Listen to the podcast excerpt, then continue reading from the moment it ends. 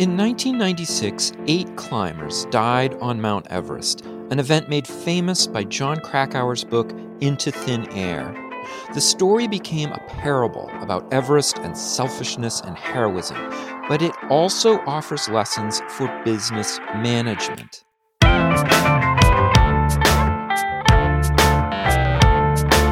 It's time to eat the dogs. I'm Michael Robinson. Today, Markus Hallgren talks about the 1996 Everest disaster from the perspective of business and management. Hallgren is the founder and leader of the interdisciplinary research profile Extreme Environments Everyday Decisions, as well as a co founder and organizer of the international network Organizing Extreme Contexts. Markus Hallgren, thank you for talking with me. Thank you so much for inviting me to your podcast.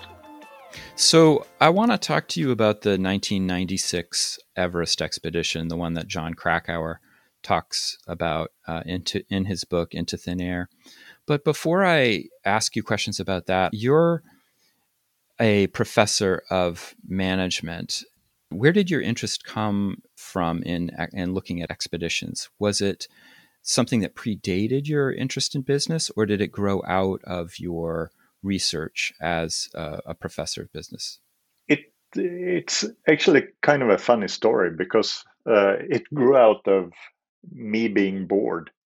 the the thing is, I I started my PhD studies studying the management of deviations in diesel power plants which meant that I, I was studying a Finnish company building power diesel power plants all over the world and kind of doing observations of two teams and look, uh, hearing, observing them cursing over subcontractors and replanning the project and whatever.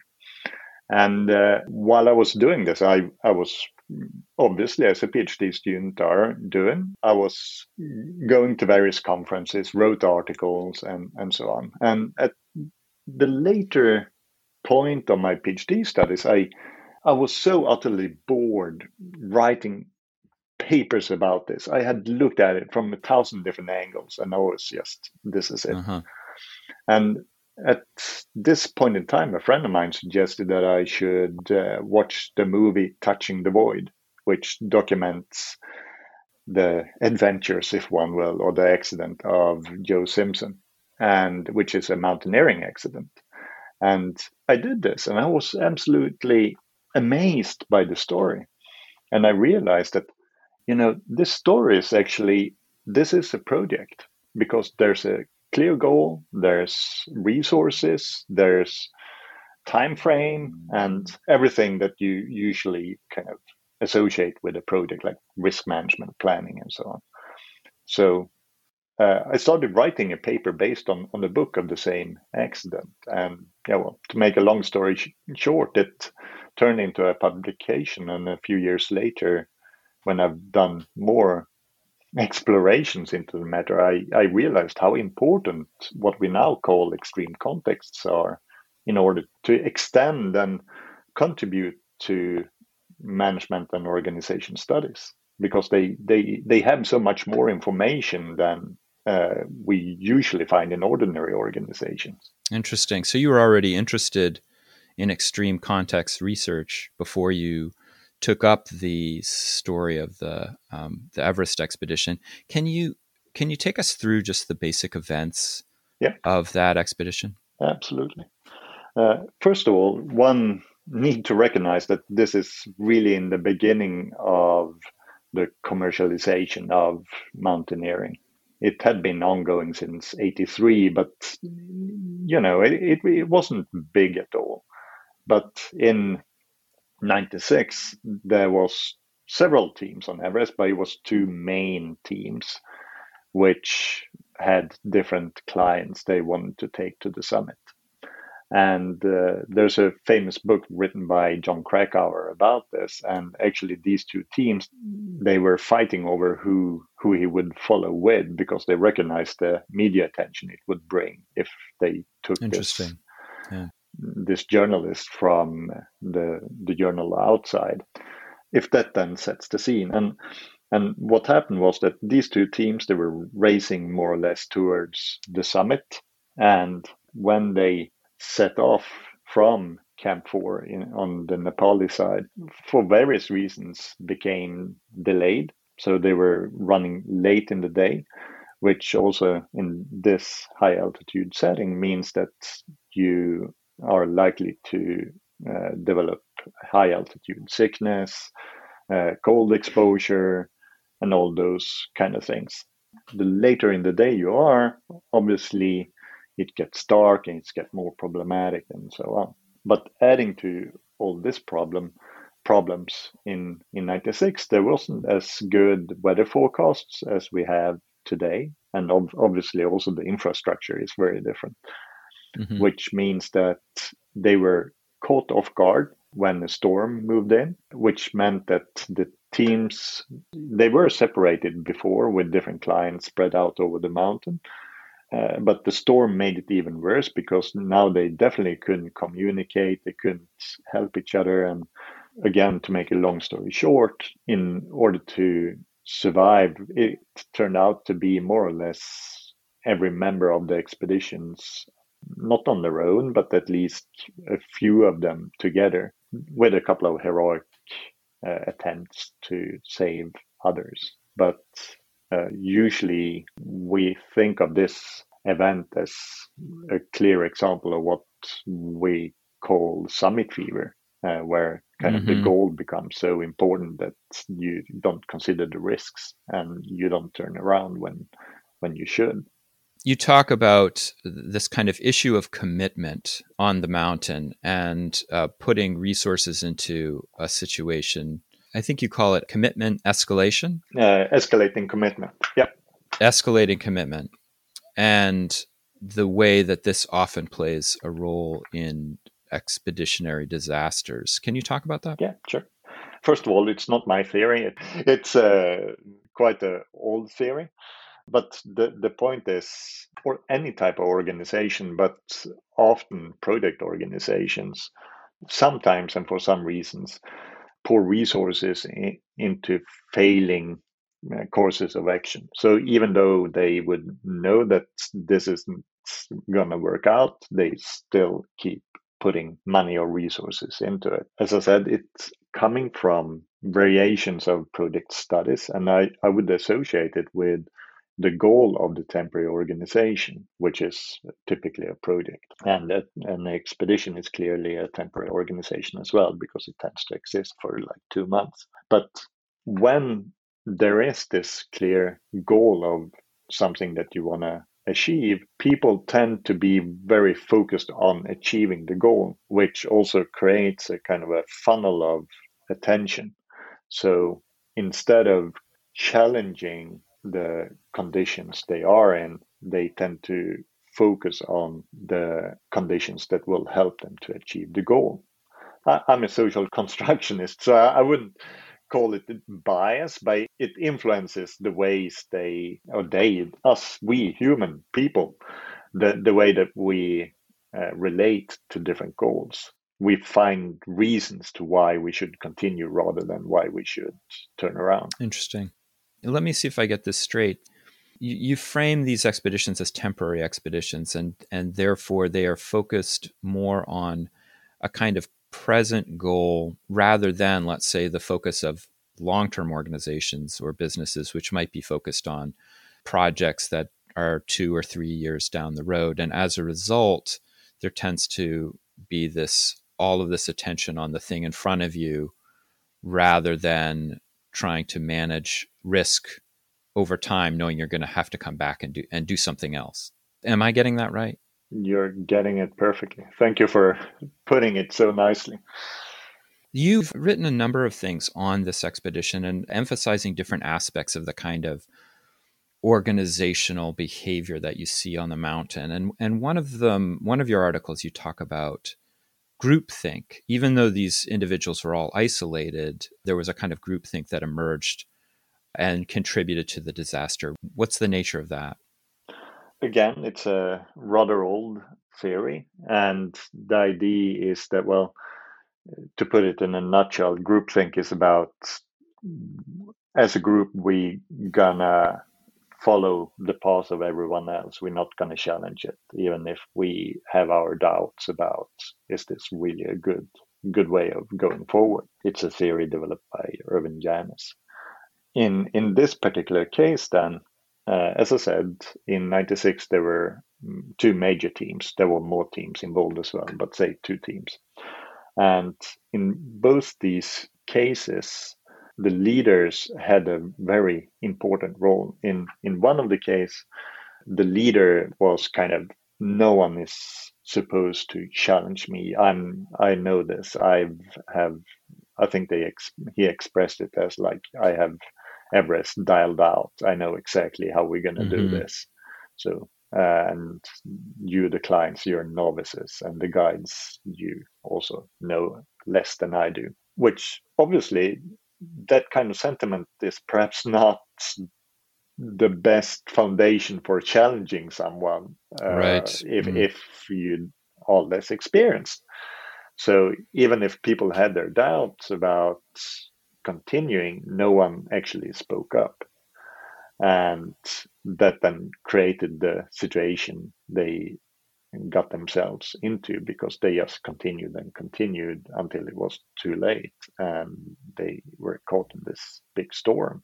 And in the other case as well then the the leader was more kind of a laissez-faire kind of person and perhaps didn't take the leadership role as clearly as the other one which also made it a little bit difficult to challenge it because since everyone else was continuing and the other team in particular who am i as a as a client or as a person to challenge that they must know what they are doing of course we should continuing even perhaps no one exp- explicitly said that you're forbidden to speak up who who am a novice to speak up when everyone else is continuing. They must know what's going on. So, in both these situations, groupthink was created.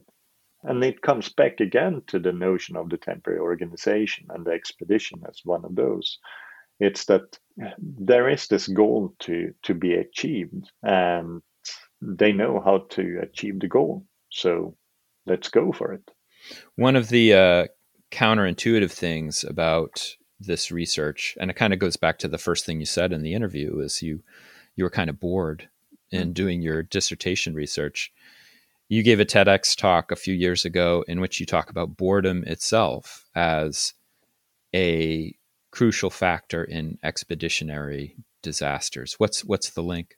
Yeah. So i would say it's not only about disasters it's also about ordinary life in extreme contexts. The point is that even in extreme contexts, such as expedition life or at the emergency department at the hospital or with the SWAT team with the police or like a friend and colleague of mine have written about doctors at war in Afghanistan. In any of these contexts, we tend to forget there's a lot of boredom as well. And this boredom can cause problems and therefore it, there's a link to disasters. For example if if we are bored we tend to make up things to do and we might uh, be less likely to consider different risks because for example we want everest over and done with. We want it climbed. We want to go home to to our family. So this this tedx talk, it, it goes back to an expedition we were observing in 2013. And it was actually one of the clients that explicitly said this. He, he wanted it over and done with in order to go home to the family. Yeah. So that's one of the things to not consider the risks. But also, the problem is that when we are bored, I mean, I have three kids, and when they are bored, well, at least when they were small, I mean, they tend to pick fights with each other and kind of tease each other and, and so on. And sorry to say, but adults are not always much better than kids when, when they are bored. So it might also create conflicts with, within a team that's otherwise fully functioning. So that's on the negative side of boredom. But on the positive side of boredom, it also creates innovations and creativity and get people to consider new alternatives that might be much better than the ones that were planned for to start with. So, just as a silly example, in 2013, it was me and a couple of research assistants. And uh, one of the research assistants, or two of them, they were bored and they mounted a GoPro camera on some empty plastic containers and recorded it going under in a stream under the glacier oh, below wow. Everest. Cool. It's quite a nice movie, and uh, it, it's really nice to see. On the other hand, they didn't ask me beforehand, and the GoPro camera was kind of good to have for the research, but it turned out well, so no problems. So one of the questions I had reading your work was the things that you're talking about on these expeditions you're you're looking at them from a kind of organizational point of view looking at human behavior social psychology but they're very extreme contexts. They are very unique in a lot of ways. And i was wondering how you see them connect to let's say all of the other organizational research that exists out there. In other words, how I guess how much do you think you can extrapolate from these extreme contexts to other organizational behavior that has nothing to do with, you know, low amounts of oxygen, falling off cliffs, getting frostbite, etc. Yeah.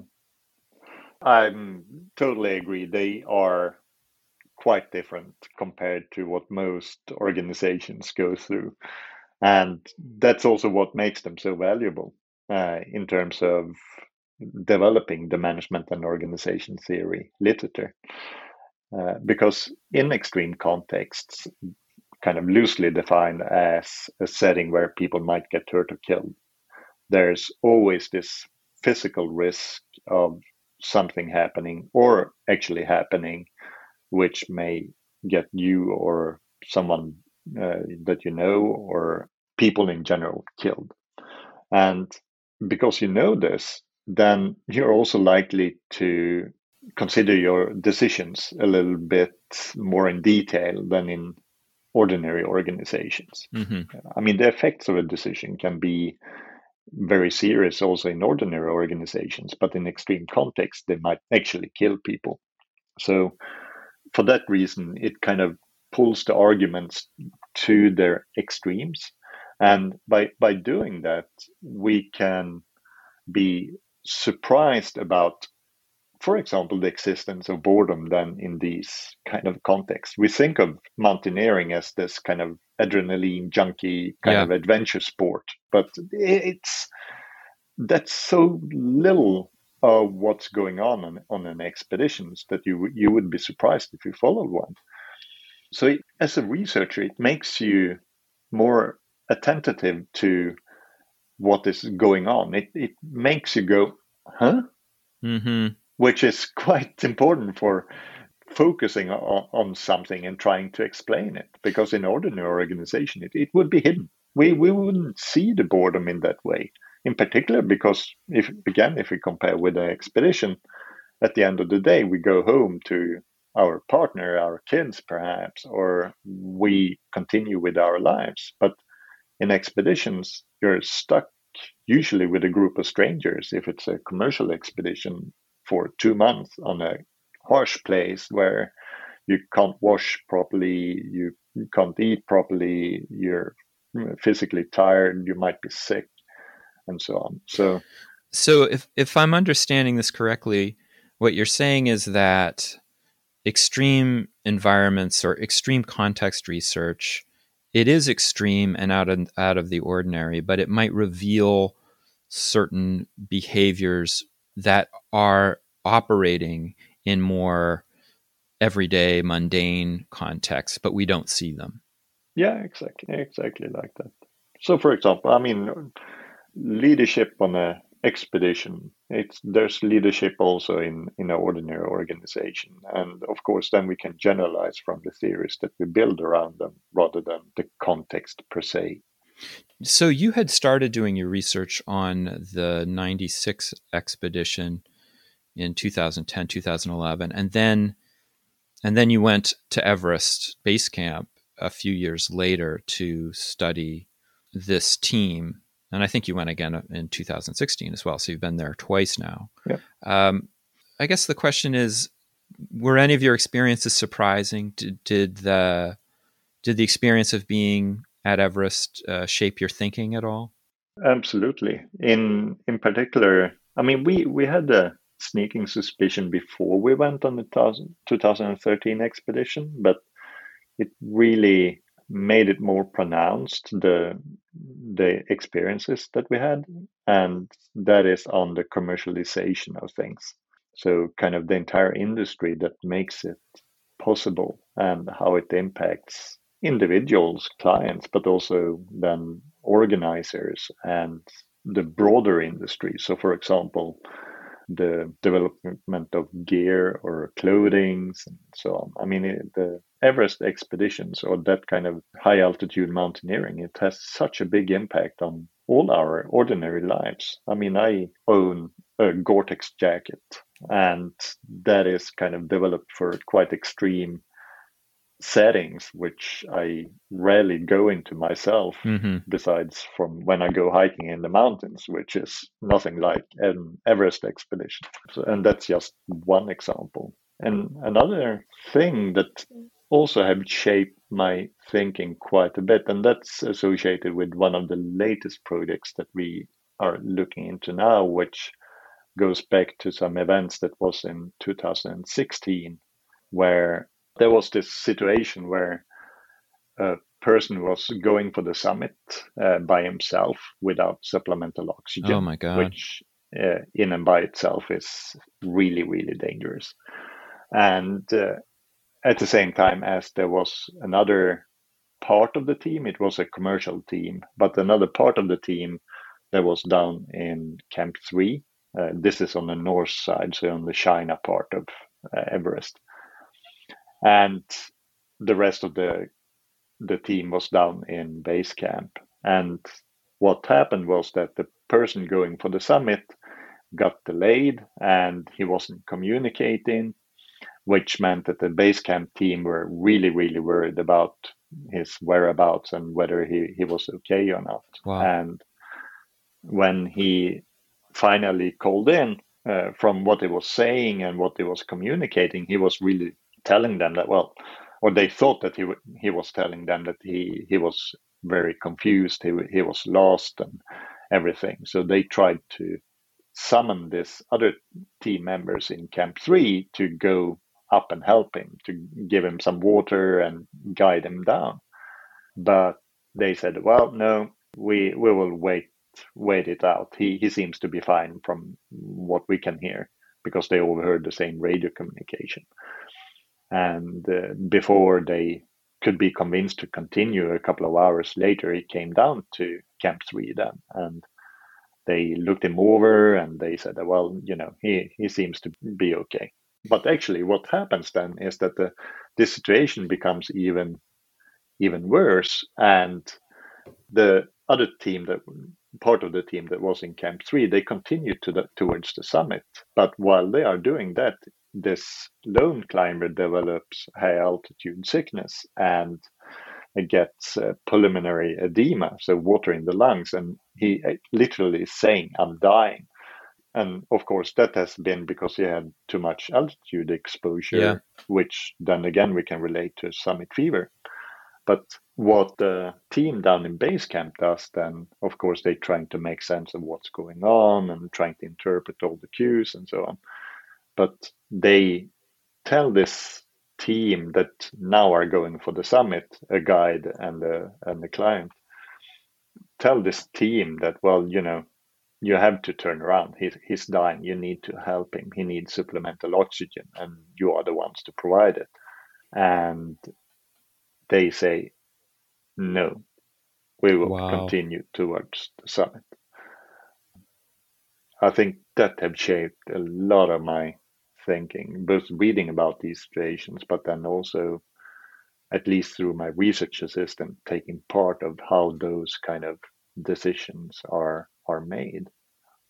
And in more theory wise, also shaping my understanding of how we as humans across a distance over with extremely fragmented information can make sense of something that goes on and actually feel it in our bodies. That kind of, yeah. you know, you have an unease, you're sick to your stomach, you're kind of feeling cold for the other person, which is a long way away from you. Did that climber die? No, luckily enough, he survived. They they came down and found him, and Uh, he, he he was all right. Wow, it's just a kind of interesting ending to the story. When all these people come down from the mountain, the people down in base camp are extremely pissed off with the climber and the guy that went for the summit. But that client, together with the dying climber, they are partying together and enjoying each other's company perfectly well. But the people down in base camp, they were really pissed off with with the with the climber that went up. So it's kind of wow strange. So one of the things that that story also kind of brings to mind to me is that one of the things you must find in some of extreme context research is that you're dealing with a group of people that might be self-selected they they might have certain traits that are quite different from other organizations i mean um, there's a there's a book by maria coffey it's it's probably 20 years old now called uh, where the mountain casts its shadow and it's it's not looking at the disasters on the mountain as much as the people who are left behind and how they cope with you know the loss of their loved ones uh, who've who've died on climbing Everest and other other peaks. And one of the things I took from that book was that she interviews a lot of family members who will often describe these individuals who become high altitude mountaineers as not being very well organized at, at life back home. They struggle in a lot of ways. These are just anecdotal stories, but but they're very they're very disorganized or unhappy or not very good at certain things back home maybe they're not very good in their marriages or in their interpersonal relationships but they seem to do really well on the mountain it tends to focus them and so i guess i guess my question to you is do you have to be careful about generalizing about this set of people outward to other organizations are there in fact traits that make them relatively unique and make the case study hard to apply to other groups? Could I say yes and no? I mean, I spoken to a lot of mountaineers, both in formal interviews and in conversations and in various situations and, and so on. And first of all, one, one of the things I really think one should remember is that these people, at least the majority I've spoken to, they are not adrenaline junkies mm-hmm. whatsoever. I mean, it's all about planning and controlling the risk. And it's in such big detail that you would be surprised and I guess that's also why they they stay and are able to stay in the game because if they are not controlling the risk, well, then there's a natural selection bias towards survivors, if we put it that way. But I, I think in in particular when it comes to commercial mountaineering, so if we differ between quotation mark professional mountaineering, where you know you have years and years and years of experience and you live in the mountains basically compared to commercial mountaineering where you have a dream of climbing Everest, for example, and perhaps you exercise hard for a year in order to do it, but you don't really know the mountain or your knots or walking with crampons or whatever. It's it's just a dream. So if we look at the commercial mountaineering, then I would say that that's pretty much like people in any type of organization, to be honest. It is extremely male dominated, uh, mm-hmm. that, that's for sure. Uh, so that's a, a differentiator. But there's people from all walks of life. And they have so many different motivations and they have their different issues and ways of doing things that I think it's quite similar to what you would find in a, any type of organization. So mm. that's one side of it. And the other side is that as as we were talking about before, I mean extreme contexts are different compared to ordinary organizations uh, or settings. But it's on the theoretical level we can say something because they also provide us more rich information which we can understand ordinary situations from in, in a different light or at least challenge and thereby explore further in ordinary organizations. So, for yeah. example, boredom or something like that. Mm. Markus Hallgren, thank you so much for talking with me. Thank you, Michael, for inviting me. It's been such a pleasure. Thank you so much. That's it for today. The music was composed by Zabrat. Make sure you check out the Time to Eat the Dog's website podcast links and other exploration related stuff. And if you get the chance, please take a minute to rate and review the show wherever you get your podcasts. It really helps make the show visible to new listeners. And if you want to recommend a guest or make a comment, feel free to contact me at time to eat the dogs, that's one word, lowercase, at gmail.com. See you next week.